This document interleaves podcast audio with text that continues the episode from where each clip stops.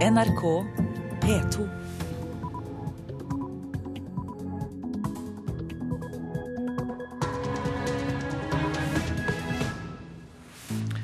Her på P2 Alltid nyheter overtar Nyhetsmorgen, og dette får du høre mer om. Mer enn ni av ti oljekroner er lovet bort allerede til pensjon og omsorg. Det mener sjeføkonom. Politikerne mangler kunnskap i debatten om privatisering av eldreomsorgen. Det går fram av en ny rapport fra forskningsstiftelsen Fafo. Datatilsynet er kritisk til et nytt forsøksprosjekt fra Google som blir brukt av næringslivet i Tromsø. Og etter klokka sju så kommer statssekretær Pål Lønseth i studio for å svare på den kritikken vi hørte om i Dagsnytt mot norsk asylpolitikk fra EU-parlamentariker Cecilia Wikstrøm. Men aller først til debatten om privatisering av eldreomsorgen. Politikerne mangler kunnskap både om kvalitet og økonomi, ifølge ny rapport fra forskningsstiftelsen Fafo, som er bestilt av Norsk Sykepleierforbund. Kvalitet er vanskelig å måle, og undersøkelser som er gjort om eldreomsorg er ikke gode nok. Det sier Heidi Gautun, som har vært prosjektleder i Fafo. De studiene som er gjennomført, viser ikke at det er noen forskjeller mellom private og kommunale sykehjem når det gjelder drift av, av tjenestene. Men det er også store metodiske svakheter med disse undersøkelsene, som gjør at eh, det er vanskelig å si om det egentlig er sånn. Så når politikerne diskuterer om bestemor skal ut på anbud, har de egentlig lite kunnskap om det de snakker om. Debatten er jo veldig ideologisk, og jeg syns også det er litt rart at et sånt eh, veldig brennende tema i offentligheten, at vi vet så veldig lite om det. Det gjelder både kvalitet og ikke minst kostnader, sier Gautun. De har gjort intervjuer i fem av kommunene som har konkurranseutsatt eldreomsorg så får vi tilbakemeldinger på at eh, kommunen sparer noe penger på drift, men at eh, utgifter knytta til dette med anbudsprosesser, utforme kommunens egne tilbud eh, som skal inn til konkurranse, og følge opp kontrakter, og også utgifter knytta til uforutsette hendelser i kontraktsperioden, samlet er større enn det de vinner på drift. Selv om man er eldre og kanskje dement, så skal man ha sine stjernestunder. Den lille øykommunen Austevoll utenfor Bergen har nylig overlatt både sykehjem og hjemmepleie til selskapet Aleris. Ordfører Helge Njåstad fra Frp er sikker på at det er en god idé. Fordi at de private har forplikta seg til å øke aktivitørstillingene i forhold til det kommunen hadde. De har forplikta seg til å ha valgfri middag, flere aktiviteter. Og de har et helt annet fokus på at eh, man skal ha liv og røre på sykehjemmet, og at dette er heimen til beboerne. Eh, så vi skal ha en knallgod eldreomsorg i samarbeid med de private. Og de kommer til å spare penger, selv med nye utgifter. For vi har eh, etablert et eh, eget helseservicekontor som har bestillerfunksjonen for kommunen. Og De summene er selvfølgelig tatt med. sånn at Når jeg sier 7,6 millioner i besparelse, så ligger det inn i det at kommunene har tatt noen nye kostnader for å følge opp kontrakten og for å tildele innbyggerne riktig tjeneste. Det er Norsk Sykepleierforbund som har bestilt rapporten. Forbundsleder Eli Gunhild By mener den viser at konkurranseutsetting er unødvendig. Hvorfor skal man eh, privatisere når man har gode offentlige tilbud? Det vil jo bare føre til at man bruker enda mer penger på anbudsrunder, på dokumentasjon, og ha egne personer som sitter og styrer med dette utenpå det ansvaret man har fra før. Reporter var Katrin Hellesnes. To kvinner omkom og to personer ligger fortsatt kritisk skadd på sykehus etter bussulykken i Sogndal i går. Andrea Raaen var passasjer i den ene bussen da den frontkolliderte med en svensk turistbuss. Vi eh, kjørte inn mot eh, Sogndal. Og så litt før vi kom til brua i Fardal, så eh, så vi at bussen kom, en buss kom mot oss, og han kjørte midt i veien. Og bussjåføren vår han, begynte, han bremsa og kjørte litt ut. Mens den hinbussen kjørte fortsatt midt i veien og traff bussen vår, men svinga litt under oss som kom forbi. Så han traff jo da vår buss ganske hardt. Klokka fem i går ettermiddag fikk politiet melding om at det hadde vært ei ulykke på rv. 55 mellom Sogndal og Leikanger. To busser hadde frontkollidert. Den ene fra busselskapet Nettbuss, og den andre fra et svensk turselskap. En time seinere kunne politiet opplyse om at to personer var omkomne, en fra hver buss. Andrea satt i den ene. Jeg, jeg vet ikke helt hva jeg. Jeg, jeg bare slapp telefonen og tok meg i setet framfor for å stoppe det litt. Jeg ser eh, folk i glassbråt og glass i Det er stort hull framme i bussen og glassprat over hele bussen.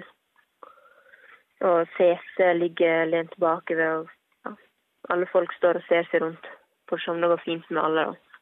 De neste minuttene er prega av sterk forvirring. Andrea blør fra et kutt i panna og får hjelp til å stoppe blødningen medan hun leter etter mobilen, slik at hun etter hvert får ringt hjem til familien. Ambulansen var ganske kjapt på plass. Eh, så åpna jeg opp bussen sånn at vi andre kunne komme oss ut. Alle var i ganske stort sjokk. Jeg tror ikke vi hadde det så godt, med tanke på at vi visste i hvert fall ei som var omkommet. De blir frakta inn til Quality hotell i Sogndal sentrum. Der har kommunen fått på plass et kriseteam bestående av psykolog, sykepleier, helsesøster og lege. Hva sa du nå? Ganske, ganske løye å tenke på at det, det var ei ulykke. At du liksom har vært i ei ulykke. Det, er det har liksom ikke helt gått opp for meg ennå. Hvilke tanker er det som eh, går gjennom hodet ditt? At jeg ikke har lyst til å kjøre en buss igjen. Og Andrea Raan, hun var det Torbjørn Selseng som snakket med. Mer enn ni av ti oljekroner er lovet bort allerede til pensjon og omsorg. Det mener sjeføkonom i meglerhuset Swedbank First Securities, Harald Magnus Andreassen. I går fortalte Dagsnytt at regjeringen får 800 milliarder kroner fra oljefondet de neste fire årene, men bare ti av disse milliardene kan politikerne bruke fritt. Av de 800 så er det kanskje da bare 40 igjen, eh, som egentlig er da reell handlefrihet i sum over de neste årene. Og det er kanskje ikke så imponerende. Sjeføkonom i First Securities Harald Magnus Andreassen sier politikerne har lovet bort alle oljemilliardene allerede. 800 milliarder oljekroner de fire neste årene, fortalte Dagsnytt i går. Økte pensjonsutgifter og eldreomsorg i kommunene tar størstedelen av kaka. 10 milliarder kroner i året er hva politikerne faktisk kan bestemme over. Det er før vi har lagt inn én krone til å bedre standarden i helsevesenet. Det er før vi har lagt inn én krone til å bedre, eller øke veiinvesteringene og jernbaneinvesteringene. Oljeformuen og muligheter for skattekutt var et naturlig tema i partilederdebatten på NRK i går tanken på å gjøre noe sånt ville virkelig sette, jo, men det ville virkelig sette norsk økonomi over styr. Her snakker vi om en miks. Er det bare din miks som funker? Det er det som vi spør om. Altså, det har i hvert fall funket veldig bra fram til nå. Ja, det. Og det er jo vår største anklage mot regjeringens måte å bruke penger på. Det er at man ikke har tatt vare på fremtiden godt nok. Og takk til dere her i Arendal kulturhus. Mens de hvite kulissene ryddes og kameraene trilles bort, nikker Jens Stoltenberg gjenkjennende til Andreassens beregninger. Hvorfor har vi stilt oss sånn at uh, nesten ni av ti oljekroner de fire neste årene er brukt opp allerede før de kommer inn på konto? Altså, De er jo ikke bokstavelig talt brukt opp, men eh, det er jo slik at det vi står overfor er økte utgifter til pensjon, økte utgifter til helse og omsorg. Eh, fordi vi er i den gode situasjonen at mange flere mennesker lever lenger. Men det kommer til å kreve at vi må bruke mye mer penger på pensjon mye mer penger på helsetjenester og omsorgstjenester. Og Det er nettopp det som er grunnen til at vi holder igjen på alle andre løfter. Siv Jensen og Erna Solberg bedyrer likevel at skattekutt og bedre velferd kan kombineres. Jensen skal effektivisere. Så at det er et innsparingspotensial i norsk økonomi, må jo ingen være ett sekund i tvil om, og vi har tenkt å ta ut det. Vi har en annen ambisjon også, nemlig å kutte en lang rekke unødvendige utgifter som Jens Stoltenberg har bygget opp gjennom åtte år. Solberg innrømmer at regninger allerede ligger på bordet, men sier vi vil ha, og har hatt. Et handlingsrom som, eh, som, eh, som har vært romslig godt til å kunne få til både skattelettelser og betydelig satsing på velferd. Andreassen tror de vil få en rask lærepenge. Eh, de som har sittet i regjering, har hatt denne virkeligheten innover seg så lenge det har vært der. Og de som måtte komme inn i regjeringen, får det i løpet av tre dager. Og reporter var Lars Nehru Sand. Denne uken reiser NRKs reporter langs Europavei 39 og forteller om de politiske spørsmålene som opptar folk langs kysten. Her ses innvandringsspørsmålet litt annerledes enn i resten av landet. Den enorme arbeidsinnvandringen på Vestlandet reiser nye politiske utfordringer. Det sier forsker Svein Ingve Nødland. Actually, I want to stay here. I like Norway and here. It's my, my place. Den spanske ingeniøren Laura Macias kom fra et land i krise og har skapt seg en ny framtid. Men det tok tid. Hun kom som au pair, jobba på restaurant, søkte jobber i fleng. Maybe 500 uh, position and applied in two years. It's a lot.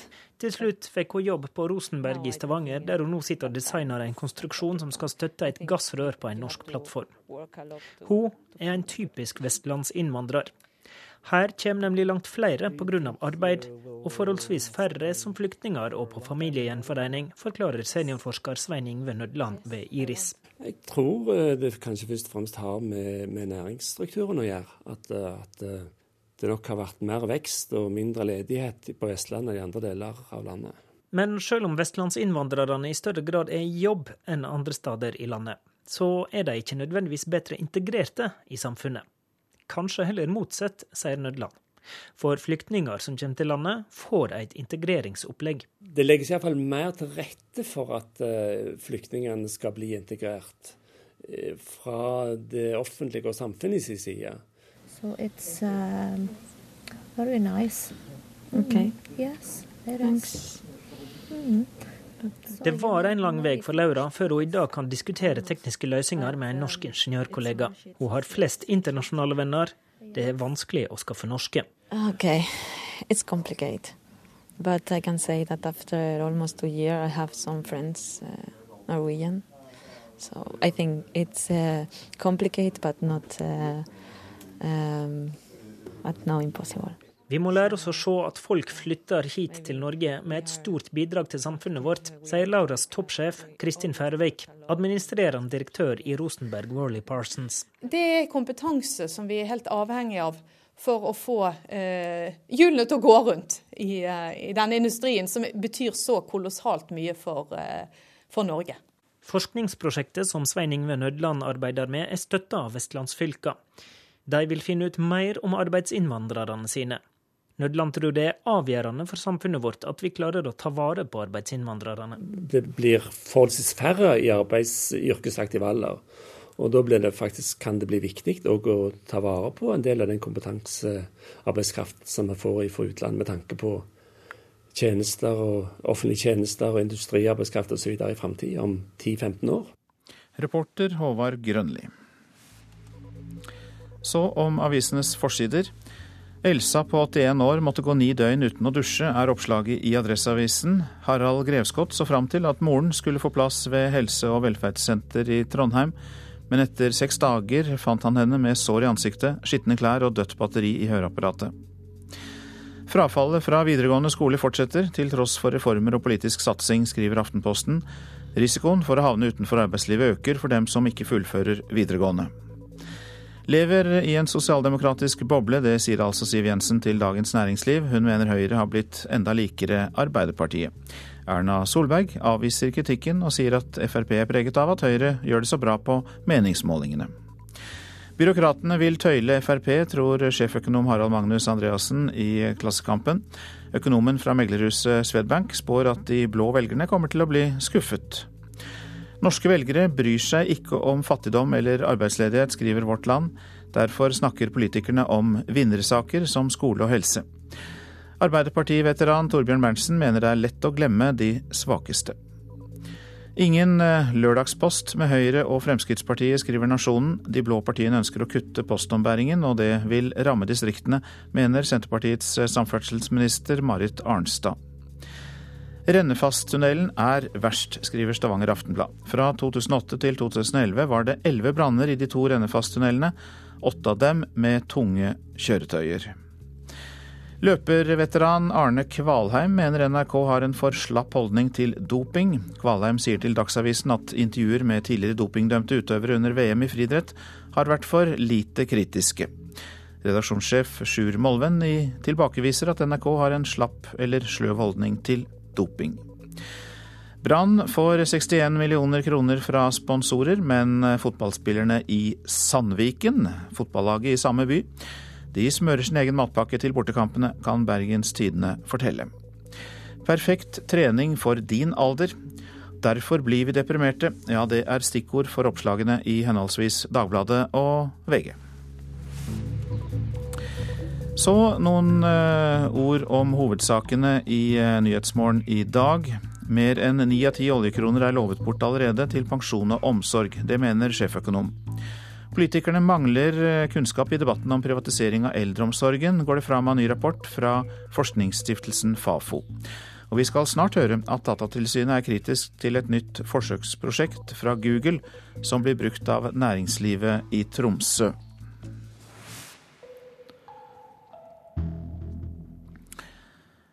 Men nå til eh, sport. Alexander Kristoff er på bedringens vei etter en lungebetennelse, men den friskmeldte syklisten har ikke store ambisjoner for sykkel-VM i september. Ja, VM er ikke noe mål for meg i år, eh, sånn sett, så det er ikke noe jeg tenker på, egentlig. Sier Alexander Kristoff, som ikke forstår hvorfor han og Thor Hushovd blir nevnt som konkurrenter om den siste plassen på VM-laget. Jeg tror verken det er noe for meg eller for Thor Hushovd, så jeg vet ikke helt hva det store maset er om det VM-greiene. Men uh, jeg har hørt at uh, den er ganske hard. Senere denne uken kan en regelendring gi plass til både Kristoff og Hushovd på landslaget. Men Katusha-rytteren tror ikke på store prestasjoner under VM. Jeg tror ikke i år er VM jeg kan uh, hevne meg i. Det, det blir i så fall å prøve å hjelpe Lars Fetter i så fall. kanskje Edvald hvis han er i bra form, men han har ikke på en god stund, han heller. Sportssjefen i Norges Sykkelforbund, Hans Falk, mener det er mange elementer som spiller inn når de skal velge ut rytterne. Ja, det er klart Vi, vi legger vel hele sesongen til vår bedømning, og vi ser jo også på eh, hva de ulike syklistene har for kapasiteter i forhold til løypa osv., og, og hvordan vi skal komponere laget. Reporter Emilie Hall Torp. Økonomer advarer mot en pensjonsbombe i norske kommuner. I mer enn ti år har kommunene kunnet skyve pensjonsutgiftene foran seg, og nå er gjelda på nesten 30 milliarder kroner. Erna Solberg innførte regelen da hun var kommunalminister, men hun ser ingen grunn til å forandre den.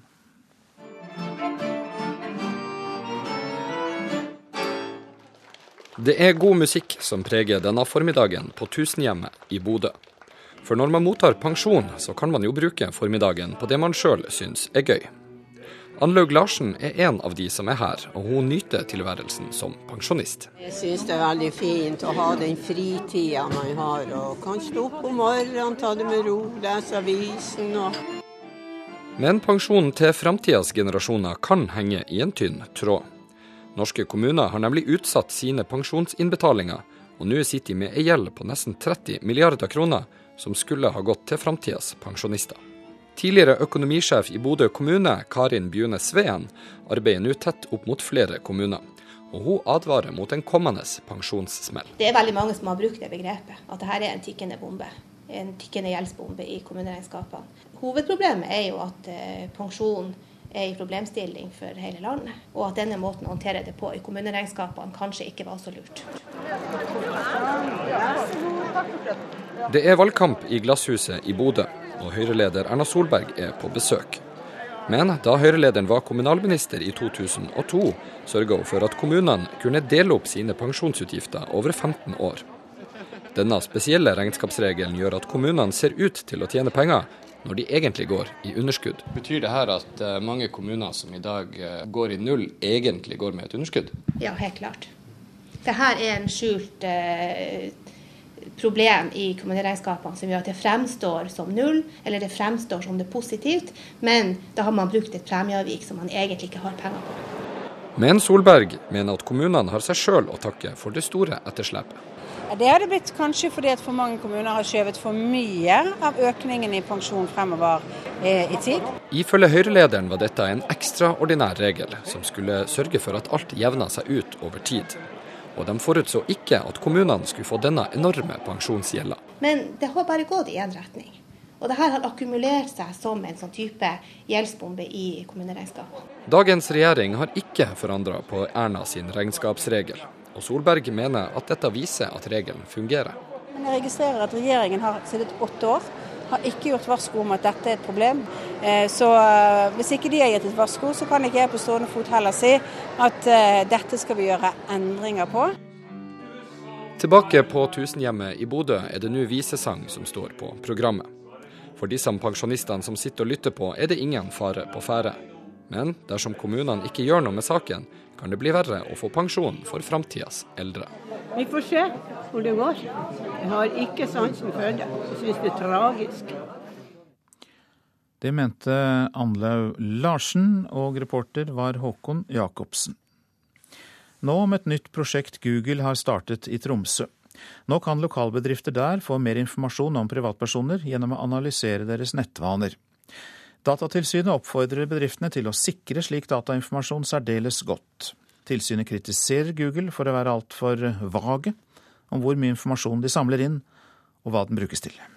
Vi har et konkret prosjekt i Tromsø der vi har inngått samarbeidsavtaler med en rekke partnere, som er reklamebyråer, mediebyråer, webbyråer osv. Så, så har vi lært opp dem og eh, satt dem i stand til, til å hjelpe næringslivet i Troms til å komme seg på nett. Og vi håper å rulle det programmet ut uh, i andre norske byer og fylker. Google Norge-sjef Jan Grønbæk er godt fornøyd med at flere bedrifter får bruke firmaets verktøy. Det gjør bl.a. at butikker kan se hva jeg du klikker på nettsidene deres, slik at de kan tilpasse reklamen sin etter det. Datatilsynets daglige leder Bjørn Erik Thon mener bedriftene får et viktig ansvar for å sikre personopplysningene godt og mener Google må fortelle mer hva de bruker dataene til. Problemet med Google er at de ikke gir god nok informasjon om hva de bruker eh, opplysningene til, og heller ikke hva de kommer til å bruke de til i fremtiden. Og det er jo flere land i Europa, altså store, tunge eh, land, som eh, planlegger rettssaker mot Google nettopp fordi opplysningene de gir ikke er gode nok. Med mindre bedriftene sjøl vil dele infoen de får inn med Google, har de ingen innsyn, sier Grønbæk. Kun i saker hvor det er en rettslig kjennelse, vil Google gi informasjon til myndighetene. Det siste med, med Snowden osv. Eh, Google deler ikke noe informasjon med noen, uh, verken myndigheter eller andre. Dersom uh, folk slutter å ha tillit til aktørene på nettet, og det gjelder nrk.no, det gjelder Google og det gjelder Facebook og alle andre, da vil folk slutte å bruke det. Reporter Rune Eian. Færre spiller i korps. På 30 år eh, er antall korpsmusikere halvert. Hovedutfordringen er å få de unge til å fortsette i korps etter at de har blitt tenåringer. Nå vil korps, korpsbevegelsen satse mer på kvalitet, både for instruksjon og på øvingsrom.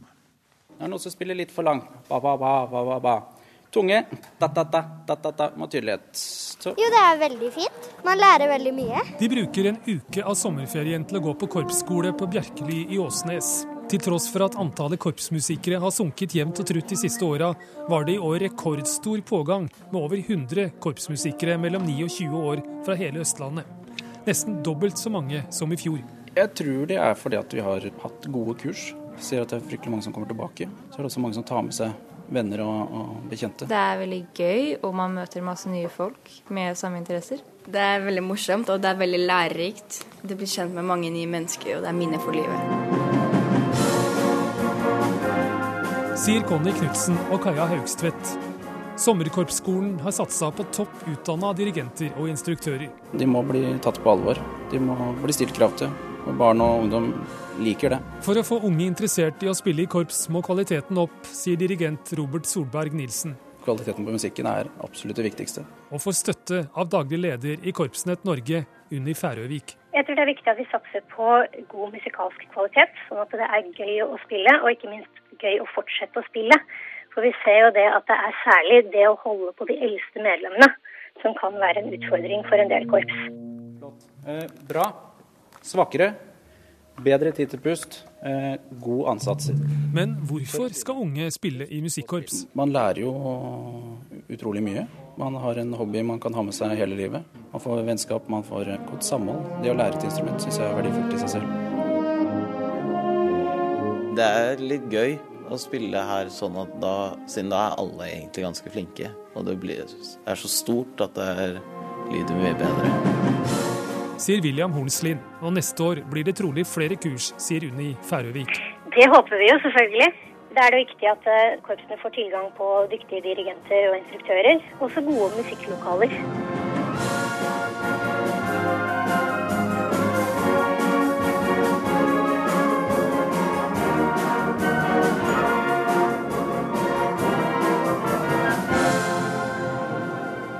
Reporter blant korpsmusikerne, Stein S. Eide.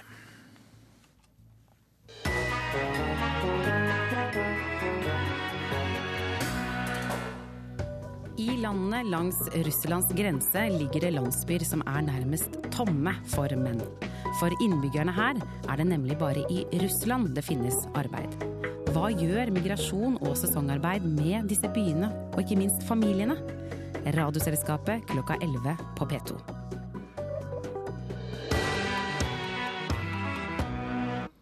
Værvarselet har vi nå. Fjell i Sør-Norge. Fra i ettermiddag liten kuling i høyfjellet. Regnbyger, flest regnbyger i nord. Østlandet og Telemark enkelte regn- og tordenbyger. I kveld lettere vær. Agder får periodevis stiv kuling på kysten vest for Lindesnes. Noen regnbyger, kan hende med torden. Lettere vær fra i kveld i Agder. Rogaland nordvest periodevis stiv kuling på kysten, enkelte regnbyger. Hordaland og Sogn og Fjordane i sør liten kuling, enkelte regnbyger. Seinere lettere vær i ytre strøk. Møre og Romsdal regn, lokalt mye nedbør. I kveld lettere vær igjen. Trøndelag regn, lokalt mye nedbør i sør. Fra i ettermiddag enkelte regnbyger. Helgeland, Saltfjellet, Salten og Ofoten enkelte ettermiddagsbyger. Lofoten, Vesterålen og Troms oppholdsvær. Kyst- og fjordstrøkene i Vest-Finnmark. I vest kan hende enkelte regnbyger, ellers stort sett opphold. Øst-Finnmark og Finnmarksvidda delvis skyet, enkelte spredte byger på, på vidda. Kan hende med torden. Nordensjøland på Spitsbergen stort sett opphold og noe sol. Temperaturer klokka fem. Svalbard fire. Kirkenes og Vardø ni. Alta elleve. Tromsø ni. Bodø og Brønnøysund tolv. Trondheim 13. Molde 10. Bergen-Flesland, Stavanger og Kristiansand-Kjevik, alle disse stedene 11 grader. Gardermoen 8 grader, Lillehammer 11, Røros 9 og Oslo-Blindern hadde 10 grader da klokka var fem. NRK P2.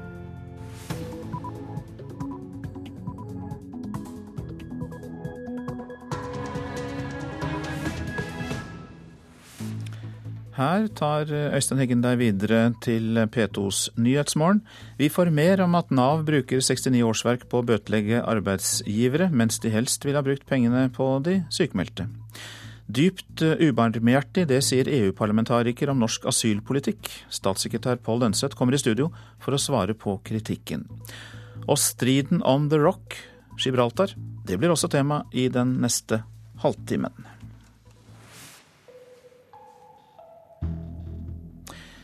Ja, som hørt i Dagsnytt, Nav bruker 69 årsverk på å bøtelegge arbeidsgivere og andre som ikke følger opp sykemeldte etter reglene. Hittil i år er det sendt ut over 10 000 bøter, nesten like mange som i hele fjor.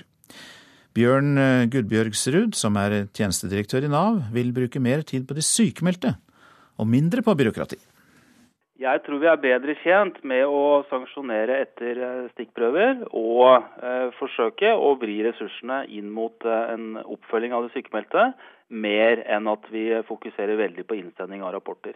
Nav har gitt klar beskjed til regjeringen om at de vil ha endringer når det skal forhandles om en ny avtale om inkluderende arbeidsliv, såkalt IA-avtale. Altså, Sykefraværet i Norge er jo dessverre for høyt. Det er for mange som går for lenge sykemeldt. Så det aller viktigste er at vi klarer å komme, komme, inn tidligere i sykefraværsforløpet, for vi ser at det er ganske avgjørende for å redusere sykefraværet. Oppfølgingsplaner, rapporter og skjemaer. Det er hverdagen for arbeidsgivere med sykmeldte ansatte. Hensikten er å følge opp de sykmeldte på en bedre måte. Det her er egentlig bare å fylle skuffene til hverandre med papir. Sier Trygve Toften, som er direktør i byggkonsernet Moelven. 280 ansatte, sykefraværet er på 5,6% Toften støtter fullt opp om intensjonene, men For vår del så medfører det her et betydelig papirarbeid, hvor fokuset blir på papirarbeidet, og ikke på den personen som er syk, og tilrettelegging for vedkommende og samarbeid for, å, for et behandlingsopplegg. Siden 2012 er det skrevet ut over 20 000 bøter, og et hardt presset Nav-system bruker altså 69 årsverk på jobben. Arbeidsminister Anniken Huitfeldt innrømmer at det har gått for langt. Det er viktig at arbeidsgiverne følger opp det sykemeldte. Da vi forhandla frem en avtalen om inkluderende arbeidsliv tidligere, så var det veldig mange gode mål, men det ble ikke fulgt opp. Så ble det etablert veldig mange sanksjoner. Jeg mener det har gått for langt i den retning. Og Derfor er vi enige både med arbeidsgiverne og arbeidstakerne at når vi nå går i gang med forhandlinger om ny IA-avtale, så må det forenklinger til. Det er jeg veldig glad for hvis vi gjør. Og Så får vi se på det på nytt. For Poenget er jo å få oppmerksomheten mot den som er syk. Hva kan vi gjøre i sammen for å få den tilbake i jobb så fort som mulig. Det er der oppmerksomheten må være.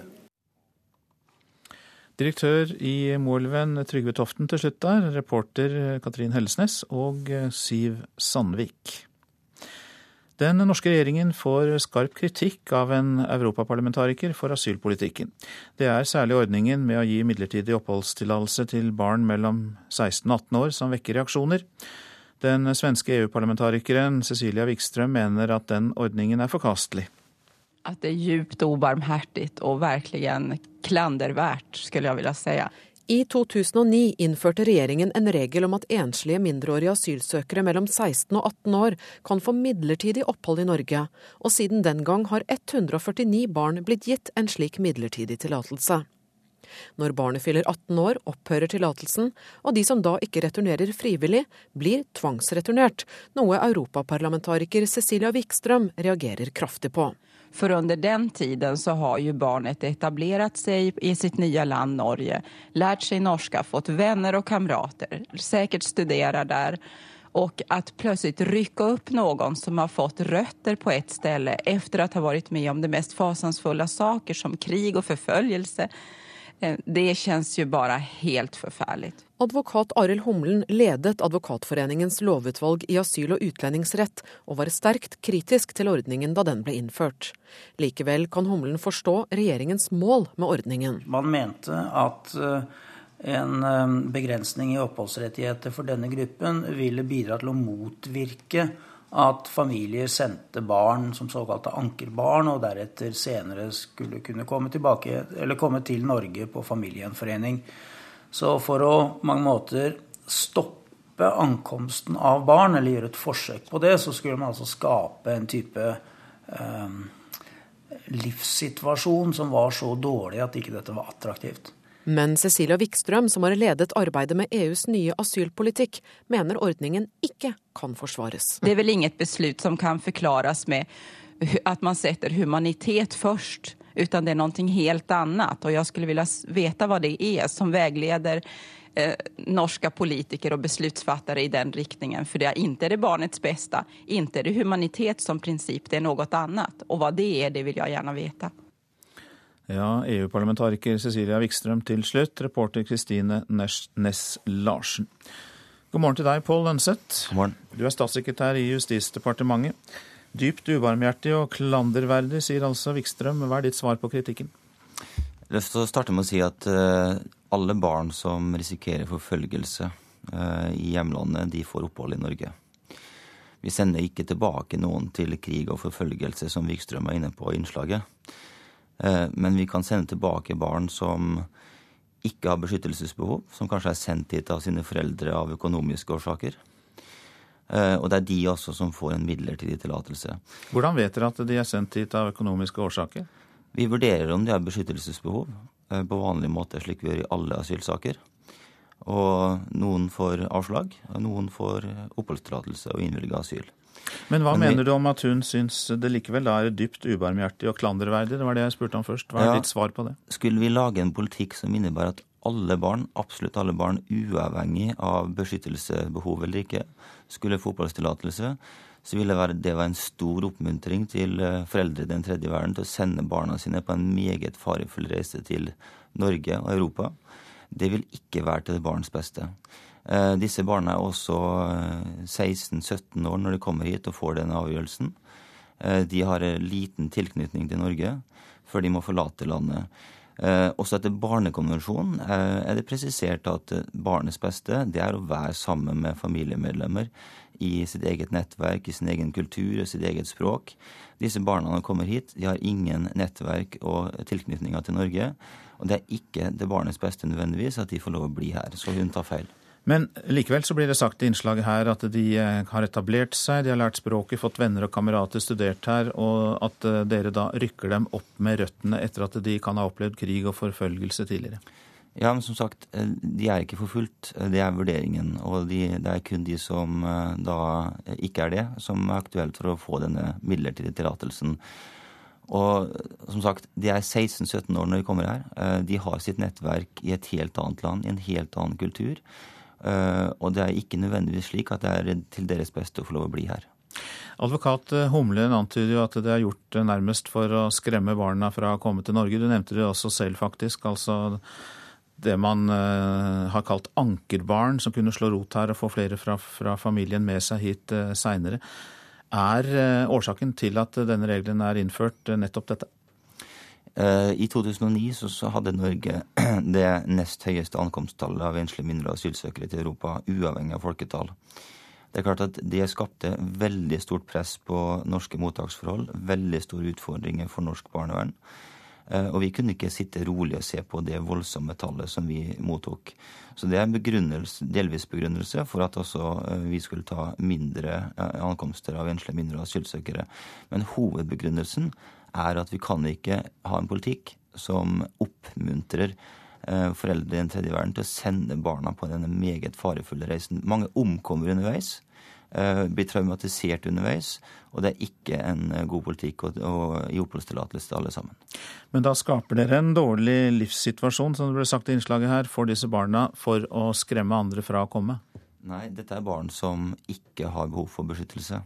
Eh, barn som eh, er sendt hit for å få en bedre økonomisk hverdag. Fullt ut forståelig fra, fra deres foreldre. Men vi, eh, det er ikke bærekraftig for oss å gi oppholdstillatelse til alle barn som kommer hit, med det ønsket og siktemål å ha en bedre økonomisk framtid. Ingen endring på dette fra Arbeiderpartiet da, Pål Lønseth? Nei, det er det ikke. Takk skal du ha. Du er altså statssekretær i Justisdepartementet. Nå om bussulykken i Sogn i går, da en svensk og en norsk buss kolliderte og to kvinner omkom. Reporter Anders Weberg, du er i Sogndal.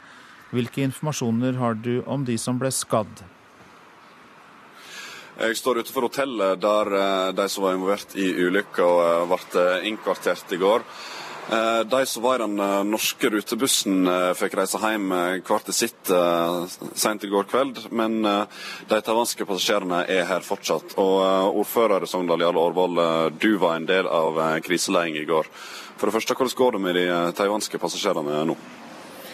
Jeg tror ikke jeg skal ta på meg å gi en kort beskrivelse i forhold til, men i alle fall så ut ifra tilbakemeldingen fra nattevakt, sykepleieren her, så har det vært rolig, i rolig natt. og Det var slik jeg nå så situasjonen i går, kan du si. At det var, det var fatta og, og, rolig. Har du fått noe mer informasjon fra politiet om hva som kan være årsaken til denne ulykken?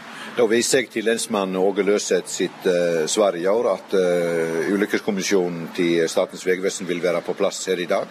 De legger opp uh, og lagt opp den videre etterforskningen, og så får det avdekke årsaken til ulykka. Eh, eieren av det svenske busselskapet eh, gikk ut i går og sa at eh, veien i Fardal er for smal for to busser. Hva vil du si om det? Jeg vil ikke gå inn og spekulere i årsaksforløp i forhold til ulykka. Da tror jeg jeg vil vise til politiet sitt videre arbeid om årsaken til, til ulykka. Og da får det avdekke hva som var grunnen til at denne triste hendingen skjedde. Men er det plass til to busser der til vanlig? Der eh, er det stor trafikk eh, vanligvis eh, mellom Sogndal og Leikanger og videre utover. Der er det både større og mindre kjøretøy. og Det er 60-soner i flate strekning, men, men, det er jo ikke gule midtstriper den delen der. Da. Men som sagt, jeg ønsker ikke Det er ikke rett på dette tidspunktet her å gå inn på en måte og, og, og det videre arbeidet og videre etterforskningen for å avdekke årsaken til ulykka. Og videre framover nå så uh, har Utenriksdepartementet blitt uh, tatt, blitt kontakta om de taiwanske passasjerene, mens eh, medisinsk oppfølging eh, venter på de som er skada. Takk skal du ha, reporter Anders Weberg fra Sogndal, som også da hadde med seg ordfører der, Jarle Aarvold. En av de mest omfattende narkotikarettssakene her i landet starter i Oslo tingrett i dag. Politiet har beslaglagt vel 760 kilo hasj. Den hovedtiltalte, som er en nederlender bosatt på Romerike, skal i tillegg ha solgt over ett tonn av dette stoffet. Det er vel en av norgeshistoriens største når det gjelder mengde, ca. 1,8 tonn hasj. Det sier statsadvokat Tonje Tønder. Totalt består nettverket av 20 personer. Foreløpig er det tatt ut tiltale mot ti. Hovedtiltalte, en 28 år gammel nederlender bosatt på Romerike, risikerer 20 års fengsel. I tillegg krever politiet ham for 15 millioner kroner, som de mener han har tjent på hasjsalget. Vi mener jo at bevisene er gode. 28-åringen nekter for hovedpunktene i tiltalen. Hjemme hos ham fant politiet imidlertid et hasjregnskap med navn på mange av de andre som politiet mener er innblandet. Reporter Kjetil Grude Flekkøy. Dette er Nyhetsmorgen, og dette er hovedsakene i dag. Mer enn ni av ti oljekroner er lovet bort allerede til pensjon og omsorg. Det mener sjeføkonom. Nav bruker 69 årsverk på å bøtelegge arbeidsgivere som ikke følger opp sykemeldte, men Nav selv vil helst eh, bruke pengene på å hjelpe de sykemeldte, ikke på byråkrati. Den norske regjeringen får skarp kritikk av EU-parlamentariker Cecilia Wikstrøm for asylpolitikken, at eh, asylbarn bare får midlertidig oppholdstillatelse.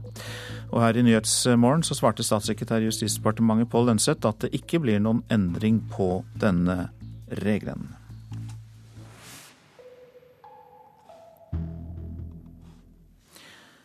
Sju kvadratkilometer på spanskekysten skaper strid.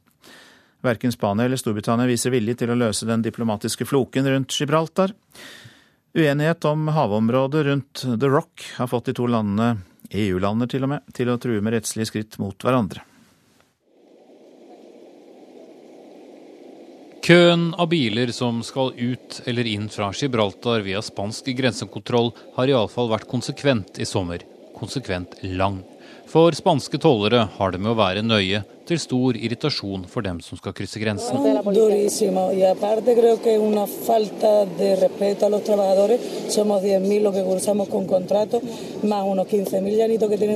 Det er respektløst, sier denne kvinnen. Vi er 10 000 som krysser grensen for å jobbe hver dag, i tillegg til 15 000 som skal hjem eller handle på markedet. Så det er 25 000 som rammes pga. noen få fiskere. Fiskere, ja. For fiskere som fisker utenfor Gibraltar, var de som satte det hele i gang. De hevder å få ødelagt garnene sine på et kunstig betongrev som Gibraltar har anlagt under vann. Mens svaret derfra var å be fiskerne bruke andre garn. Så kom grensekontrollene, og så har krangelen gått.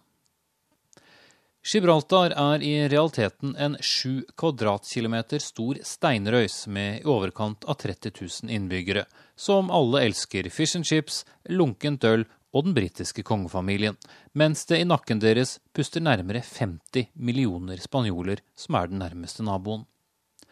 Nå varsler Storbritannia at de vil gå rettens vei for å få stanset de utvidede grensekontrollene, noe som ble behørig nevnt i spanske nyhetssendinger i går kveld. ¿Qué tal? Muy buenas tardes. El Reino Unido estudia adoptar acciones legales contra España por los controles en la frontera con Gibraltar. Mens Spania mener de har en rett og ikke minst en plikt til å sjekke ekstra ved grensen. Professor Damien Chalmers er ekspert i EU-rett ved London School of Economics. Han sier utfallet av en eventuell rettssak avhenger av om innbyggerne på Gibraltar blir ansett som EU-borgere eller kun som britiske borgere. Well, legally, the, the issue comes down to whether Gibraltarians are EU citizens or not, and they're EU citizens of the British nationals. Er de rene EU-borgere, slik britene hevder, er grensekontrollen ulovlig, er de ikke å regne som medborgere, så er det motsatt. Imens skjerpes stadig retorikken.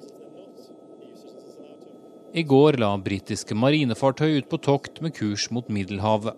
Sterke symbolske bilder som ble vist på alle store nyhetssendinger. Regjeringen her fortsetter å poengtere at de skal på et rutineoppdrag som har vært planlagt lenge, men bildene ja, de viser jublende briter på kaia. Symbolikken er sterk, mens retorikken på begge sider så langt faller på stengrunn. Espen Aas, London. Nå til Colombia, der myndighetene lenge har kjempet eh, mot narkotikaen. narkotika. Men nå begynner det endelig å se ut til at eh, arbeidet mot narkotikasmugling begynner å lønne seg. Pressekorpset var på plass da utenriksministeren i Colombia-Venezuela møttes denne veka oppå ei bru, midt på grensa mellom de to landene. Der skulle de to bli enige om hvordan de best kan kontrollere grenseovergangen i kampen mot illegal handel, og ikke minst kampen mot narkotika. 34 24 jeg var 34 år, og jeg ble fortalt at jeg søkte etter yngre ansatte, så jeg fant ikke noe annet jobb. Og jeg ble alltid fanga medan jeg smugla narkotika. For fakta er at jeg ikke veit hvordan jeg skal gjøre den type jobb, forteller Rosio Ducu, som er tobarnsmor og dømt til fengsel for narkotikasmugling. Hun er en av de mange tusen som har fått livet til å gå rundt ved hjelp av narkotikahandel. Men hun er også en av de mange tusen som colombianske styresmakter jobber hardt for å stoppe.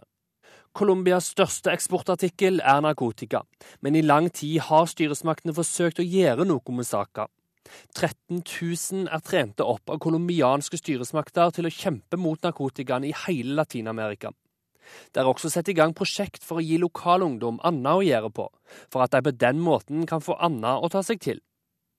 Og det var et slikt utdanningsprosjekt den amerikanske utenriksministeren John Kerry besøkte da han i går lirte av seg mye ros under sitt Colombia-besøk. Det er et særs imponerende arbeid som Colombia har forplikta seg til å gjennomføre. Vi vet alle at det er en vanskelig jobb, sa Kerry i går, før han retta en takk mot alle de som har blitt skadde eller drepne i kampen mot narkotika. Narkotika vil lenge holde fram med å være en utfordring for Colombia, men det strategiske arbeidet har allerede gitt resultat, og det er i dag 55% mindre kokaindyrking enn for seks år siden. Reporter Vegard Kjørom. Så til avisene.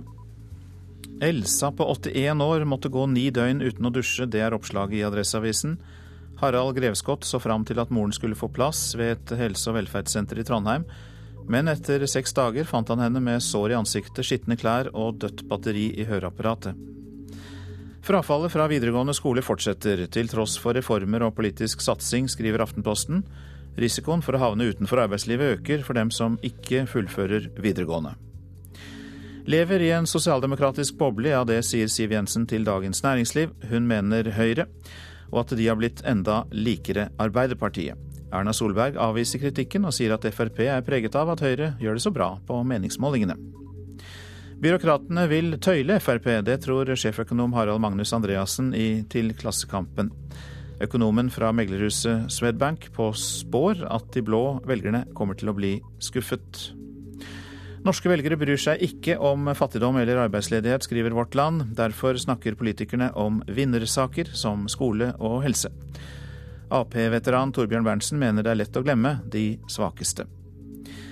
Ingen lørdagspost med Høyre og Fremskrittspartiet, skriver Nasjonen. De blå partiene ønsker å kutte ned i postombæringen, og det vil ramme distriktene, mener altså Senterpartiets samferdselsminister Marit Arnstad. Rennefasttunnelen er verst, skriver Stavanger Aftenblad. Fra 2008 til 2011 var det elleve branner i de to Rennefasttunnelene, åtte av dem med tunge kjøretøyer. Løperveteran Arne Kvalheim mener NRK har en for slapp holdning til doping. Kvalheim sier til Dagsavisen at intervjuer med tidligere dopingdømte utøvere under VM i friidrett har vært for lite kritiske. Redaksjonssjef Sjur Molven tilbakeviser at NRK har en slapp eller sløv holdning til doping. Fotballklubben Brann får 61 millioner kroner fra sponsorer, mens fotballspillerne i Sandviken, i samme by da, smører sin egen matpakke til bortekampene. Det kan Bergens Tidende fortelle. Perfekt trening for din alder. Derfor blir vi deprimerte. Ja, det er stikkord for oppslagene i henholdsvis Dagbladet og VG.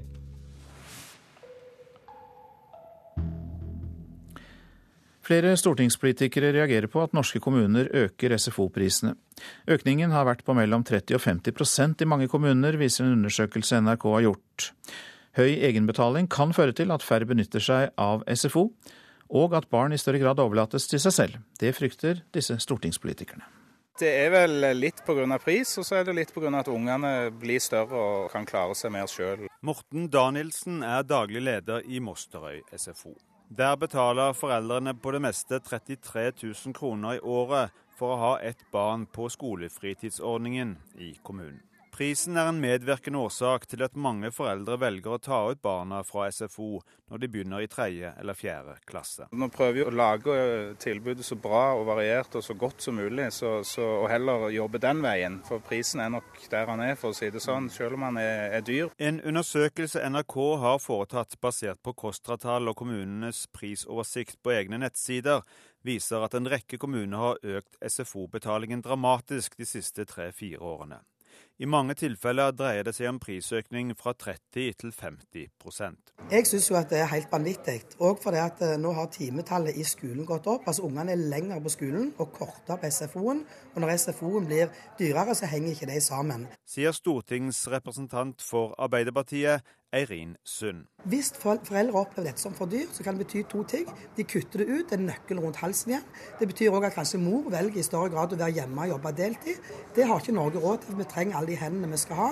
Og kvinnene skal òg være i arbeid for å opparbeide seg de rettighetene som de trenger senere i livet. Også stortingsrepresentant Hallgeir Langeland fra SV reagerer kraftig på prisøkningen i kommunene. Det er nok kommunene som eh, finner en måte å få inntekter på. Det er beklagelig at det da kan ramme folk som ikke har råd til å ta SFO, da. SV har tidligere foreslått makspris i SFO på lik linje med i barnehagen, men ønsker primært at SFO skal være et gratis tilbud som en del av heldagsskolen. For SV er det en prioritering å, å, å prioritere kunnskap, og kunnskap viser seg at den blir større når unger går i SFO. Og Da må vi få det som en del av skolehverdagen, og norsk skole skal være gratis. En SFO-plass koster i svært mange kommuner nå langt mer enn en barnehageplass, til tross for at barna bruker SFO-tilbudet kun få timer om dagen. Bergen er en av få kommuner som har valgt å subsidiere SFO-tilbudet med 40 millioner kroner årlig. Høyre-byråd Hans Viktor Hove, som har ansvar for barnehage og skole, vil likevel ikke ha et makstak på foreldrebetalingen. Jeg tror ikke en makspris i SFO ville vært formålstjenlig, rett og slett fordi det er så stor forskjell i SFO-tilbudet. Sier Hove. Eh, når det gjelder SFO, så er det jo eh, store variasjoner også i hva man legger inn i tilbudet. Eh, og frihetsgraden er sånn sett stor til å legge mye inn eller lite inn i dette tilbudet. Og Da bør også prisen justeres etter det. Bente Thorsen fra Fremskrittspartiet ønsker heller ikke å regulere SFO-prisene. Hun sitter i kirke-, utdanning- og forskningskomiteen på Stortinget, og mener nivået på foreldrebetalingen må være et kommunalt ansvar. Fremskrittspartiet forutsetter at dette her blir drevet i alle fall til selvkost. Om de vil, kommunene vil subsidiere SFO-en, så får det bli opp til hver enkelte. Det må ikke være sånn at noen må hente utbytte av dette her, i alle fall. Det må det være helt klart. Egenbetalingene varierer stort fra kommune til kommune, men SVs Hallgeir Langeland tror ikke prisforskjellen er et uttrykk for kvalitetsforskjell i kommunenes SFO-tilbud. Skulle gjerne ønske at det var sånn, men det er det nok ikke. Jeg, jeg tror bare det er det at kommunene ser etter måter å skaffe seg inntekter på. Og så blir det da SFO bl.a. som blir ramma. Og Innslaget det var laget av Ståle Frafjord. Bedring i økonomien, etterlengtet tennisseier og en nyfødt prins. Hør mer om økt optimisme i Storbritannia etter Dagsnytt. Politisk kvarter ser tilbake på gårsdagens TV-debatt og gjør det sammen med Fremskrittspartiets leder Siv Jensen og statsminister Jens Stoltenberg. Du lytter til Nyhetsmorgen, produsent Marit Selmer Nedrelid. Her i studio, Øystein Heggen.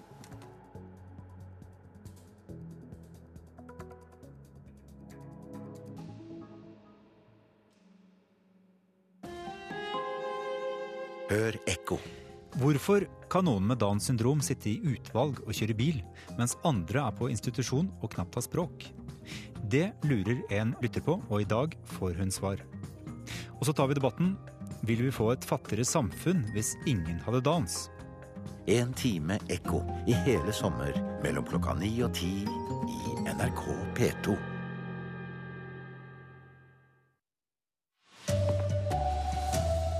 Nav bruker nesten 70 årsverk på å skrive bøter til arbeidsgivere som ikke følger opp sykmeldte, vil heller bruke kreftene på å hjelpe de syke. Øyenvitner roser redningsarbeidet etter bussulykken i Sogndal i går. Og EU-politiker retter kraftig kritikk mot norsk asylpolitikk. Her er NRK Dagsnytt klokka 7.30. Nav bruker 69 årsverk på å bøtelegge arbeidsgivere som ikke følger opp sykemeldte etter reglene. Hittil i år er det sendt ut over 10 000 bøter, nesten like mange som i hele fjor. Nå har Nav gitt regjeringen klar beskjed om at de vil bruke mer tid på de sykemeldte og mindre på byråkrati. Jeg tror at vi er tjent med å få et system som har noe mindre byråkrati når det gjelder sykefraværsoppfølgingen i Norge. Det sier Bjørn Gudbjørgsrud, som er tjenestedirektør i Nav. Jeg tror vi er bedre tjent med å sanksjonere etter eh, stikkprøver og eh, forsøke å vri ressursene inn mot eh, en oppfølging av det sykemeldte, mer enn at vi fokuserer veldig på innsending av rapporter. Oppfølgingsplaner, rapporter og skjemaer. Det er hverdagen for arbeidsgivere med sykmeldte ansatte. Trygve Toften er direktør i byggkonsernet Moelven. Det her er egentlig bare å fylle skuffene til hverandre med papir, istedenfor å rette oppmerksomheten mot den som er syk. Han mener at regelverket er bra. Men resultatet til nå det er jo at dialogen med Nav de blir mer om de riktige skjemaene er sendt, og ikke om de personene det her handler om, og hva vi har gjort og hva vi kan gjøre bedre. Hensikten med rapportering og sanksjoner var å få både arbeidsgivere, Nav og leger til å følge opp de sykmeldte på en bedre måte. Nå innrømmer arbeidsminister Anniken Huitfeldt at det har gått for langt. Derfor er vi enige både med arbeidsgiverne og arbeidstakerne at når vi nå går i gang med forhandlinger om ny IA-avtale, så må det forenklinger til. Reportere her var Katrin Hellesnes og Siv Sandvik. To kvinner omkom og to personer ligger fortsatt kritisk skadd på sykehus etter bussulykken i Sogndal i går. Det var en norsk rutebuss og en svensk buss med turister fra Taiwan som kolliderte. Psykolog Per Steinar Melås kom til ulykkesstedet et par minutter etter kollisjonen. Han roser arbeidet fra nødetatene. Det var veldig kjapt folk på plass. De eh, gjorde det som gjøres skulle. Helikopteret kom veldig kjapt. Eh, politiet var på plassen, brannvesen, redning. Så jeg må si at eh, dette fungerte optimalt. Det må jeg virkelig berømme kommunen for, og politiet som organiserte dette her. Den norske regjeringen får skarp kritikk for sin asylpolitikk av en ledende EU-parlamentariker. Særlig er det ordningen med å gi midlertidig oppholdstillatelse til barn mellom 16 og 18 år som vekker reaksjoner. Den svenske EU-parlamentarikeren Cecilia Wikström mener denne ordningen er forkastelig. At det er djupt ubarmhjertig og virkelig klandervært, skulle jeg ville si.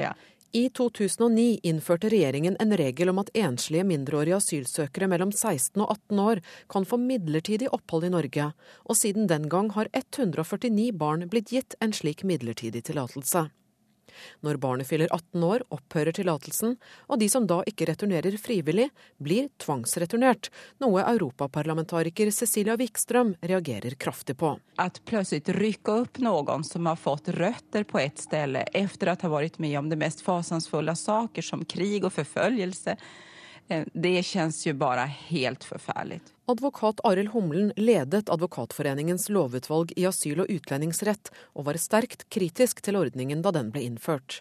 Likevel kan Humlen forstå regjeringens mål med ordningen. Man mente at eh, en eh, begrensning i oppholdsrettigheter for denne gruppen ville bidra til å motvirke at familier sendte barn som såkalte ankerbarn, og deretter senere skulle kunne komme, tilbake, eller komme til Norge på familiegjenforening.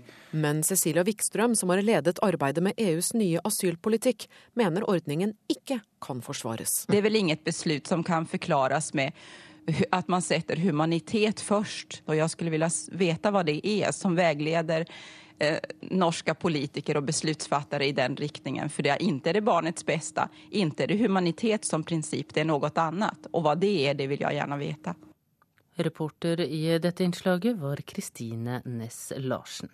Statssekretær Pål Lønseth i Justisdepartementet er ikke enig med Wikstrøm.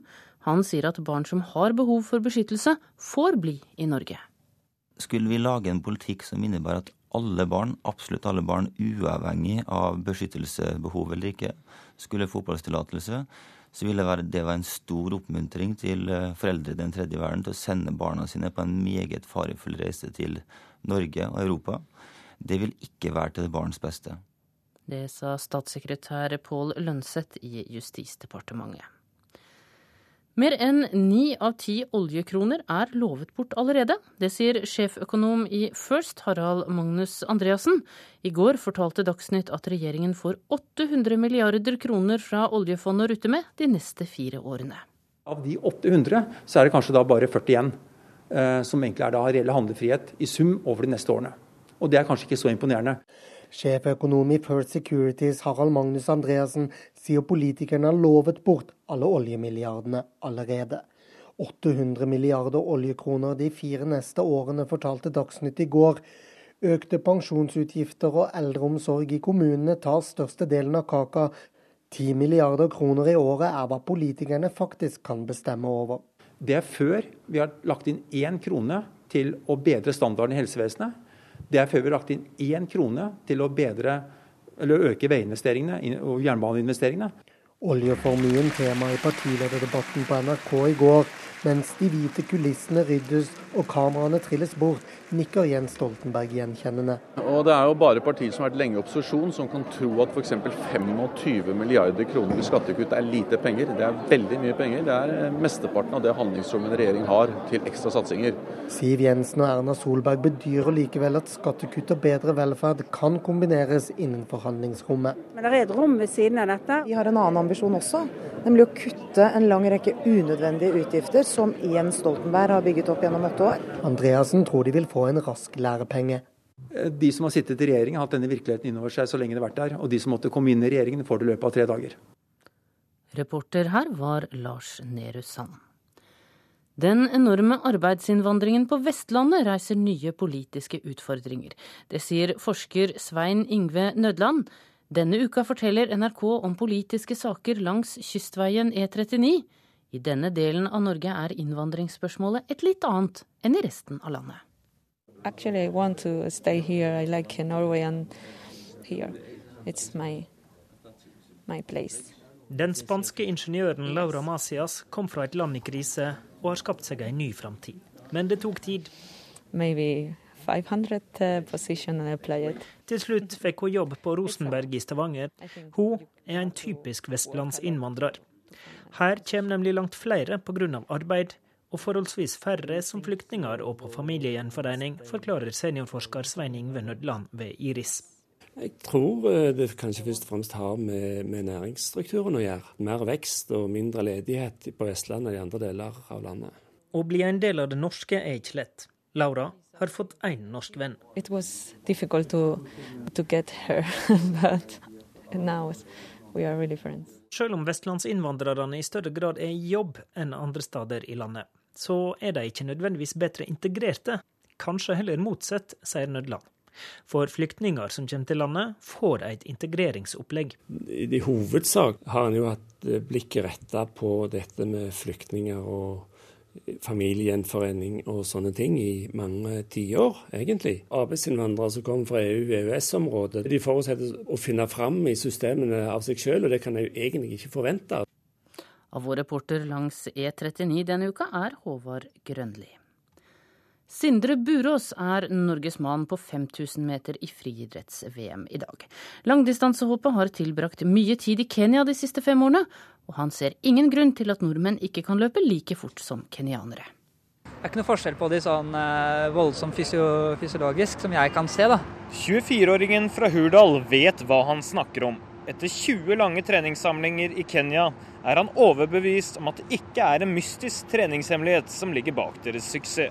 Nei, Det mystiske er nok eh, motivasjonen, av hvordan de klarer å hente, hente, hente den. Eh, de har litt andre leveforhold enn det vi har. og en, eh, en seier i et stort løp kan bety veldig mye mer enn for oss. Det han har lært av kenyanerne, er at det kun er hardt arbeid som gjelder. Etter å ha perset med 13 sekunder i år, håper han at han kan kvalifisere seg til finalen på 5000 meter. Det sa vår reporter i Moskva, Jan Post. Og Sindre Burås løper kvalifiseringsheat 5000 meter klokka 8.20. Ansvarlig for Dagsnytt-sendingene denne morgenen er Sven Gullvåg. Det tekniske ansvaret har Hanne Lunås. Her i studio Tone Nordahl. Nyhetsmorgen heter det programmet du lytter til. Den britiske økonomien stabler seg sakte, men sikkert på beina etter mange år med tilbakegang og økt arbeidsledighet. Produksjonen er på vei opp.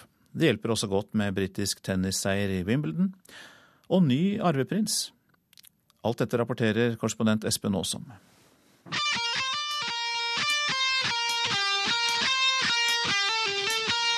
Det er fristende og selvsagt leken lett å gi Sol sommer og den varmeste britiske julimåneden siden før finanskrisen æren for at britisk økonomi begynner å stable seg på bena igjen. Kanskje er det et sammentreff, men den varmeste juli siden 2006 ga også en svært etterlengtet kjøpeglede hos herr og fru Britte.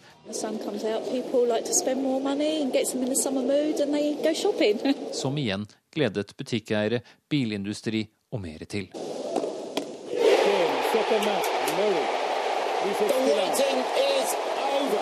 Og drahjelpen kom fra flere steder. Andy Murray, som ble første brite på 77 år til å vinne mennenes Wimbledon-turnering, og ankomsten til en viss prins George Alexander Louis gjorde folket her i godt humør. Veldig godt humør, og de valgte å unne seg noe ekstra opptil flere ganger. Mange gode nyheter førte til mer handling, forteller Helen Dickinson i den britiske handelsstandsforeningen. I juli hadde vi a number of sort of special factors, if you like, the combination of some fantastic weather and um, really babies, um, lions, Chris Froome in the Tour de France, the beginning of the Ashes, etc., etc. Avisforsidene kunne gledesstrålende fortelle om hvordan økonomien var i full bedring da produksjonstallene for juli viste en økning på hele 2% på tirsdag. Og så, på onsdag, dukket landets nye sentralbanksjef Mark Carney opp. Importert fra Canada, og han annonserte en helt ny måte å styre pengepolitikken på. Han skulle styre renten etter arbeidsledigheten. I øyeblikket er den 7,8% Han lovet å holde renten uendret helt til ledigheten falt ned til 7% eller mindre. Og da snakker vi trolig om en styringsrente på et halvt prosentpoeng til etter neste parlamentsvalg, trolig godt ut i 2016. De eneste som ikke var så begeistret, var små og store sparere, som denne pensjonisten i den lille byen Ili, halvannen times kjøring nordøst for London.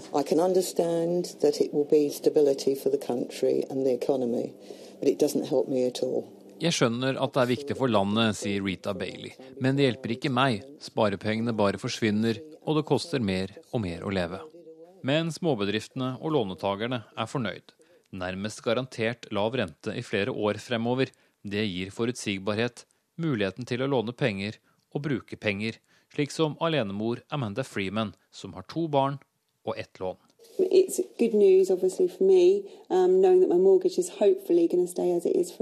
Dermed kan Amanda lettere holde budsjettene, og så håper hun også å kunne pusse opp mer hjemme. La gå at juli var en måned med økonomisk vekst, stigende huspriser og økt bilsalg i Storbritannia. Men vil det vare? Analytiker Matt Piner er ikke overbevist. Ledigheten er fortsatt høy, folk har det tøft, og det er trolig tøffe tider i vente også. Men kanskje, kanskje er det nå en forskjell i at bedrifter og folk vet at det kommer til å bli lave renter en stund til, og kanskje, kanskje skinner solen på flere fremover.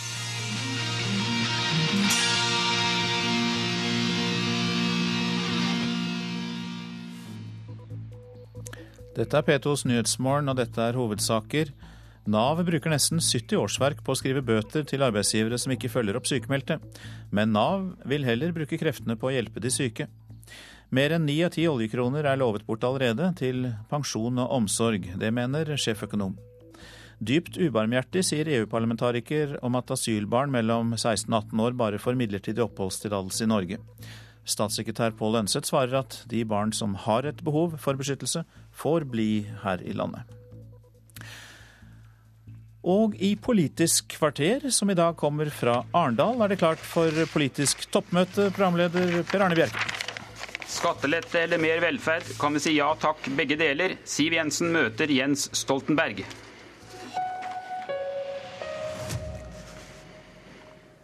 Statsminister Jens Stoltenberg, i partilederdebatten her i Arendal i går kveld advarte både du og de andre rød-grønne lederne mot Fremskrittspartiet. Tror du at eh, Siv Jensen vil ødelegge norsk økonomi?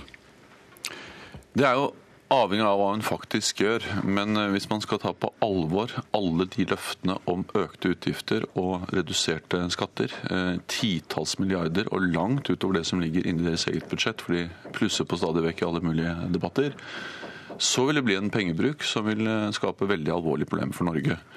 Det vil først slå ut i rente- og kronekurs. Det vil ramme alle bedriftene som konkurrerer med utlandet. Reiselivet, industrien, mange andre. Det vil bidra til økt ledighet. Eh, og så vil det ikke slå ut i eh, boliglånsrente. Eh, og norske husholdninger har nå så mye gjeld at det er ikke mye renteøkning vi skal se før det får store problemer for mange av dem.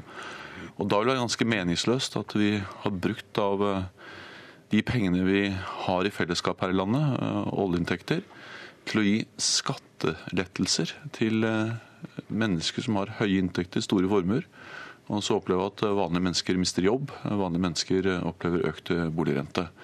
Så hvis de gjør det de snakker om i alle debattene, nemlig legger legge på titalls milliarder på nær sagt ethvert område, så vil det være helt ødeleggende for norsk økonomi. Du har vel tenkt å gjøre det du sier, Siv Jensen, for du har gjentatte ganger sagt at eh, skal vi få en annen kurs, så må altså Fremskrittspartiet også få innflytelse i en ny regjering? Det er helt riktig. Eh, og også Fremskrittspartiet vil føre en ansvarlig økonomisk politikk som trygger folks eh, private økonomi. Nå er det sånn at Statistisk sentralbyrå årlig regner på effektene av Fremskrittspartiets alternative budsjett. Eh, og det gir ingen utslag av negativ karakter på verken rente eller kronekurs. Og I den grad de gir utslag, så er de positive gjennom lavere ledighet og bedre mobilitet i norsk økonomi. Så til påstanden om eh, skattelette til de rike. Det er en påstand som Jens Stoltenberg er veldig glad i å gjenta, men den blir ikke mer sann av det. Jeg har lyst til å utfordre statsministeren her på om han mener at det er å gi skattelette til de rike når Fremskrittspartiet øker eh, boligsparingen for ungdom. Altså ungdom som sliter med å komme seg inn i et boligmarked som har blitt enda verre under din regjeringstid eller om det er skattelette til de rike når vi foreslår å fjerne avkortingen av pensjon for gifte og samboende pensjonister, hvorav mange av dem er minstepensjonister. Eller om det er skattelette til de rike når vi foreslår eh, skattelette for helt vanlige lønnsinntekter. Det at vi på toppen av det ønsker å gjøre noe med arveavgiften, det er i hvert fall ikke noe som er først og fremst rammer de rike, men kanskje først og fremst rammer helt vanlige familier som ved dødsfall i familien sliter med å klare å beholde en eiendom som har vært i familien i generasjoner. Ja, eh, Jens Stoltenberg skal få svare på de utfordringene. For å ta denne arveavgiften, Er det ikke urettferdig at en vanlig familie må betale så store beløp i arveavgift for å overta barndomshjemmet at de faktisk ikke har råd til å overta huset? Jeg mener at arveavgiften har klare svakheter, og derfor har vi gjort eh, betydelige lettelser. Du vil beholde den? Eh, jeg vil ikke utelukke at vi skal fortsette å gjøre lettelser i arveavgiften. og Vi har vist i denne regjeringen gjennom åtte år at vi gjør endringer og forbedringer i et forsvarlig tempo innenfor forsvarlige rammer. Vi har f.eks. Altså halvert andelen i Norge som betaler eh, formuesskatt. Eh, da Siv Jensen lagde budsjettforlik med den forrige regjeringen, var det langt flere med eh, lave pensjoner, inntekter, som betalte formuesskatt. Langt flere av de små bedriftene som betalte formuesskatt. Så vi, og vi har f.eks. Altså gjennomført betydelig kutt, økte, økte fribeløp av arveavgiften. Så vi skal fortsette å forbedre skattesystemet. Vi skal fortsette også å gi lettelser til de med de Eh, laveste inntektene. Vi gjør det skrittvis innenfor forsvarlige rammer. Eh, og Derfor er det slik at En del av de tingene Siv Jensen nevner, er jeg eh, for. F.eks. å få mer lettelser i bunn har vi gjennomført. Men det er jo ikke det, vi snakker om. Det vi snakker om er at dere i, nær sagt hver debatt har ikke én, men ofte liksom titalls milliarder mer til alle gode eh, formål. Veldig mye av det står ikke i budsjettet. Eh, dere lover mange ting som dere ikke har råd til å legge ned i deres eget statsbudsjett. Dere foreslår f.eks. For å fjerne alle bom, eh, bommer og slette all bompengegjeld. Jeg kan forstå at det høres fristende ut, men det er altså over 100 milliarder kroner. Det har dere ikke tatt bry med å legge inn i budsjettet. Og Når dere da eh, legger inn feil forutsetninger til Statistisk sentralbyrå, så blir det også helt meningsløst å se på de eh, beregningene. Eh, og Mange av de tingene er jo bare at det åpner opp eh, automatiske finansieringsordninger som egentlig er umulig å beregne, men som alle vet vil være eh, svært kostnadsdrivende. Så Resultatet vil være at når dere da sammen med Høyre fjerner formuesskatt, eh, så vil man bruke rundt 15 milliarder kroner i lettelser til noen av de mest velstående menneskene i Norge. Eh, og Hvis man i tillegg bruker så mye penger som dere foreslår, så vil altså resultatet være økt rente, og, og reduserte skatter til de aller rikeste, økt rente til vanlige folk. Men Siv Jensen, det er vel også slik at du da vil kutte i utgiftene for å finansiere en del av de løftene dine. Kan du nå konkret si hvor kan vi vente nedskjæringer hvis du kommer i en maktposisjon? Jeg må først få lov å tilbakevise noen av de feilaktige påstandene fra statsministeren. For det første så er det helt riktig da vi hadde Bondevik II-regjeringen, altså sentrum-høyre-regjering, at Fremskrittspartiet ikke klarte å få gjort noe med formuesskatten. Det var fordi det ble gjennomført et skatteforlik, en skattereform, mellom Høyre og Arbeiderpartiet, som førte til at vi både fikk opprettholdt formuesskatten og fikk en forsterket utbytteskatt. Så det var en kraftig skatteskjerpelse av norske bedrifter og norsk kapital. Det er jo grunnen til at vi er opptatt av å gjøre endringer på det. Fordi i dag så skattlegges utenlandsk eierskap i Norge mildere enn norsk eierskap i Norge. Så er det helt riktig, Fremskrittspartiet vil kutte. Vi mener at det er mulig å gjøre eh, forbedringer i de offentlige innkjøpsordningene, i skjemaveldet. Vi kan redusere sykefraværet. Eh, det at vi får bygget ut bedre veier, gir eh, redusert kø og lettere fremkommelighet, og det sparer samfunnet for betydelige men... beløp. Vi vil redusere grensehandel, og vi vil stramme inn asyl- og innvandringspolitikken, ja. som hvis den, blir, hvis den får fortsette som i dag, programleder, så er det en utgift ja. i året på mellom 40 og 50 milliarder kroner. Så selvsagt er det mulig å kutte. Jo. Selvsagt er det mulig å spare inn midler som vi kan frigjøre til en lang rekke andre Men du har da hele tiden blant annet snakket om å kutte i byråkratiet. Kan du prøve å være litt konkret? Hvor, konkret? hvor, vil du konkret kutte i byråkratiet? Hvilke stillinger er det du vil fjerne hvis du kommer i maktposisjon? Ja, men nå nevnte jeg en lang rekke helt konkrete eksempler på forbedringer av hvordan vi bruker våre felles skattepenger. Det å få, eh, få, få effektivisert de offentlige innkjøpsordningene eh, er noe av det beste vi kan gjøre. For det handler om eh, altså Vi kjøper inn ganske store kvanta over offentlige budsjetter. Det å gjøre det på en smartere måte og billigere måte sparer dine skattepenger. Hvis vi klarer å få sykefraværet i Norge ned, ja, så betaler du mindre i skatt for å finansiere et dyrt sykefravær. Og der det har jo også sammenheng med hvordan vi tenker i helsepolitikken. Noe av det dyreste vi kan gjøre, det er å la folk gå unødvendig lenge i kø for en operasjon som det offentlige har forpliktet seg til å gjennomføre. Og da skjønner ikke jeg hvorfor vi påfører oss dobbelte utgifter for noe vi likevel skal gjennomføre. Det er ikke smart. Det er rett og slett bare ikke økonomisk lønnsomt. Stoltenberg? Altså Først bare en liten uh, kuriositet om grensehandel. Uh, Fremskrittspartiet ønsker å innføre EUs alkoholkvoter for taxfree-handel. Jeg og husker dessverre ikke nøyaktig tallet, men det er liksom titalls liter med øl, titalls liter med vin og mange mange liter sprit. Og det ikke drikke alt på en gang. Nei, det er bare at hvis du innfører de kvotene der, så er det én ting som er helt sikkert, det er at du får økt og ikke redusert grensehandel. Det er punkt én. Men punkt to som er viktigere det er at jeg er selvsagt for eh, en mer effektiv, mer veldreven offentlig sektor. Vi har gjennomført store endringer. Eh, vi kommer til å gjennomføre mange flere. Og offentlig sektor må fornyes hele tiden. Men eh, det ene er at to tredjedeler av offentlig sektor er kommunesektoren. Og Når jeg reiser rundt i norske kommuner og treffer også ordførere fra Fremskrittspartiet, så er det ikke slik at jeg eh, hører at de gjerne vil effektivisere kommunen sin, for så å gi de pengene til staten, slik at staten kan bruke de pengene på å gi skattelette til de rikeste menneskene i Norge. Nei, eh, norske kommunepolitikere fra alle partier ønsker at de pengene de greier å spare på en mer veldrevet offentlig kommune, f.eks. mer eh, veldrevne innkjøp i kommunene, skal de selvfølgelig bruke på bedre eldreomsorg, bedre skole i sin kommune. Akkurat vi har gjennomført akkurat på samme måte på staten. Vi har gjennomført en enorm enorm omstilling i Forsvaret. Spart milliarder av kroner. Vi har gjennomført store omstillinger i helsevesenet, bl.a. med bedre arbeidsdeling mellom eh, sykehus, bedre sykehusstruktur. De pengene vi har spart der, har vi jo ikke brukt på skattelette, men på et bedre forsvar, et bedre helsevesen, eller for den saks skyld en bedre kommune. Sånn at vi omstiller, fornyer offentlig sektor hele tiden. Men de pengene skal vi ikke ta ut av de offentlige tjenestene, enten av Forsvaret eller sykehusvesenet, men vi skal bruke dem på bedre men, eh, tjenester. Stoltenberg, det har jo, det er jo ikke til å komme vekk fra at det er blitt mer kontroll, mer, flere rapporteringer oppgave. Senest i Dagsnytt i morges så hørte vi altså at Nav bruker 69 årsverk bare på å bøtelegge arbeidsgivere som ikke følger opp sykemeldte. Syns du det er rimelig? Så jeg uh, kjenner ikke den konkrete saken, men uh, generelt er det jo slik at det er viktig at vi får det samarbeidet vi har for å, et inkluderende arbeidsliv til å fungere. Eh, det har bidratt til en eh, markert reduksjon i sykefraværet, eh, uten å kutte i ytelsene i sykelønnsordningen. Og Det samarbeidet er viktig. Men også Nav skal vi hele tiden være kritiske til. Hele tiden se på hvordan vi kan forbedre. og Gjennom store IKT-investeringer i Nav så får vi nå også et mer effektivt Nav. og vi har løst noen av de problemene som Nav står for kort tid siden.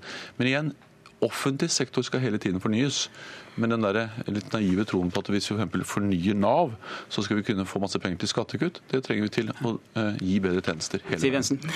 For det første så skryter ofte statsministeren at de har gjort store endringer, som han sier. Men det eneste eksempelet de klarer å komme opp med når de blir spurt om det, det er at de har gjort noe med revisjonsplikten. Så listen er ikke så lang. Jeg tror han hadde ønsket at den var litt lenger. Så til kommunesektoren. Vi vil jo effektivisere den og vi gjennom en offensiv kommunesammenslåing. Vi har mange bitte små kommuner som er veldig dyre å drive. En offensiv kommunesammenslåing vil gjøre det billigere å drive norske kommuner. De vil få stordriftsfordeler, og det vil være bra. Fylkeskommunen vil jo vi legge ned. Det er et fordyrende byråkratisk ledd i et relativt lite land. Vi trenger det ikke. Masse penger å spare på å legge ned fylkeskommunen. Så til påstanden fra Stoltenberg om at de har gjort så mye for å effektivisere helsevesenet. Vel, det er altså sånn at køene i norsk syke, i helsevesenet er lenger nå enn da Jens Stoltenberg overtok for åtte år siden. Eh, det er ikke en effektivisering av helsevesenet. Norske leger, sykehusleger, bruker halvparten av tiden sin ikke på pasientbehandling, men på papir og byråkrati. Det kan umulig være å effektivisere norsk helsevesen, så jeg tror vi har et lite vei å gå. Det er helt åpenbart at det innsparingspotensialet, ja, selvsagt skal bør gå til å styrke velferdstjenesten i Norge, men det betyr jo det at det øvrige handlingsrommet i økonomien er frigjort nettopp til å stimulere vekst og verdiskaping gjennom lavere skatter og avgifter, gjennom konkurransedyktige rammebetingelser. Og det er noe av det viktigste vi må gjøre nå, med tanke på de mørke skyene som seiler inn over norsk økonomi som følge av krisen i verdensøkonomien. Men altså for det første, vi gjennomfører, har gjennomført og kommer til å gjennomføre eh, kontinuerlig fornyelse og omstilling i offentlig sektor. Eh, jeg nevnte et par av dem. altså Forsvaret det har vært en fantastisk omstilling. Var omstilt. Vi nedla baser, vi slanket, eh, fjernet staber og har fått et mye mer effektivt forsvar. Men vi har et mye bedre forsvar. Spart mange penger. Det har vi brukt på et uh, sterkere forsvar. Punkt 1. Punkt 2. Sykehusene. Der foregår noe hele tiden. Uh, F.eks. det som har foregått over flere år. Uh, fra altså um, mer bruk av dagkirurgi, mer bruk av poliklinikker, har spart det norske helsevesenet for store summer, men først og fremst gjort, gjort helsevesenet i stand til å behandle langt flere eh, pasienter. Men det er altså ikke penger vi da frigjort til til skattekutt, men altså til bedre tjenester. Pensjonsreformen er kanskje den største enkeltstående eh, reform av offentlig sektor i Norge noensinne, gjennomført under denne regjeringen. Digitaliseringen av offentlig sektor er i full gang. Eh, e-resept eller f.eks. Eh, elektronisk automatisk refusjon av egenandeler er eksempler på effektivisering av offentlig sektor. Og alle som betaler skatten sin, ser at det har vært en betydelig forbedring der når det gjelder mulighet til digitale løsninger, besparelser. Så dette pågår hele tiden. Eh, og jeg er for det. Vi skal fortsette eh, å, gjøre det. Så helsevesenet. 270 000 eh, som venter på behandling. Altså Det tallet misbruker dere veldig. Det er jo ikke 270 000 som står der og ingenting skjer. Altså Det er 270 000 mennesker som har fått avtalt time. Og de aller fleste av dem får jo behandling når de skal. Over halvparten får behandling innen det har gått altså over halvparten av de som venter, får behandling innen det har gått to måneder. Så er problemet at noen av dem venter lenge. Da må vi gjøre noe med det. Eh, men hovedgrunnen til at flere har avtalt time for behandling, er jo at vi kan behandle så mange flere. At vi har mange flere behandlingsmåter, at vi har mange flere behandlingstilbud. Eh, det er 1,6 millioner flere behandlinger og utredninger. Det er grunnen til at uh, flere venter, men for de aller fleste er ikke det et problem. det er en del av behandlingen. det, hjelper veldig lite å få avtalt time hvis den timen ligger veldig langt frem i tid. Det er, jo, det er jo den triksingen vi har sett altfor mange eksempler på, som ikke akkurat gjør at folk får behandling, men de får en time. Uh, ventetidene har beviselig økt under Nei. din regjering, uh, og det er ikke smart økonomisk politikk. Det er dyrt, det er unødvendig, og det gjør at folk blir stående lenger i kø lenger sykemeldt enn at de blir behandlet og kommer tilbake på jobb. Derfor vil Fremskrittspartiet få behandlingstidene ned, køene ned, fordi det er smart økonomisk politikk, og det gjør at vi frigjør penger til andre gode formål i samfunnet. Det er veldig stor forskjell på ventetider og antall som venter. Eh, antall som venter øker, men går ned i forhold til antall som får behandling. og Grunnen til at flere venter, er altså at det er mer, betydelig mer behandling som gis. Ventetidene går ned, eh, og flertallet får altså behandling eh, innen de frister og tider som er fastsatt fastsatt. Og Det blir siste ord i denne sendingen, for nå er Politisk kvarter her fra Arendal slutt. Takk til Siv Jensen og Jens Stoltenberg. Jeg heter Per Arne Bjerke. Hør flere podkaster på nrk.no podkast.